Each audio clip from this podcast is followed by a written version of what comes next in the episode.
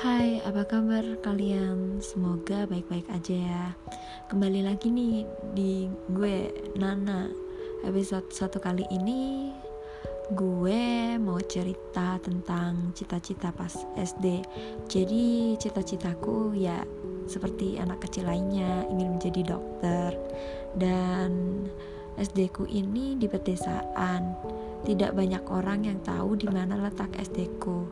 Nah, pada saat SD gue sering ditunjuk jadi perwakilan lomba.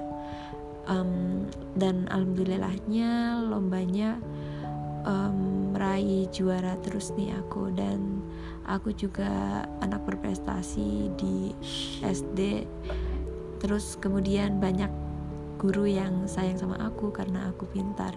Gitu sih. Padahal biasa aja sih menurutku. Terus um, ya kegiatan SD ku main terus. Jujur main terus dan jarang belajar. Dan kemudian ada bumbu-bumbu cinta gitu pas SD yaps yang namanya cinta monyet. Jadi eh, aku tuh kegiatannya main-main terus sama bucin. Tapi bucin ala anak SD yang pakai SMS pada waktu itu. Terus berinisial M.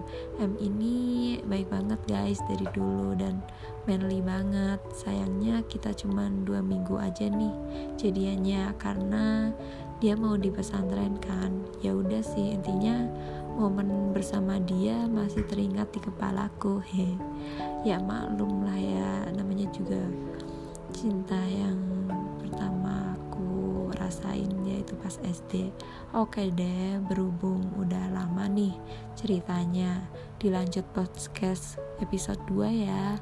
See you guys and keep healthy. Bye bye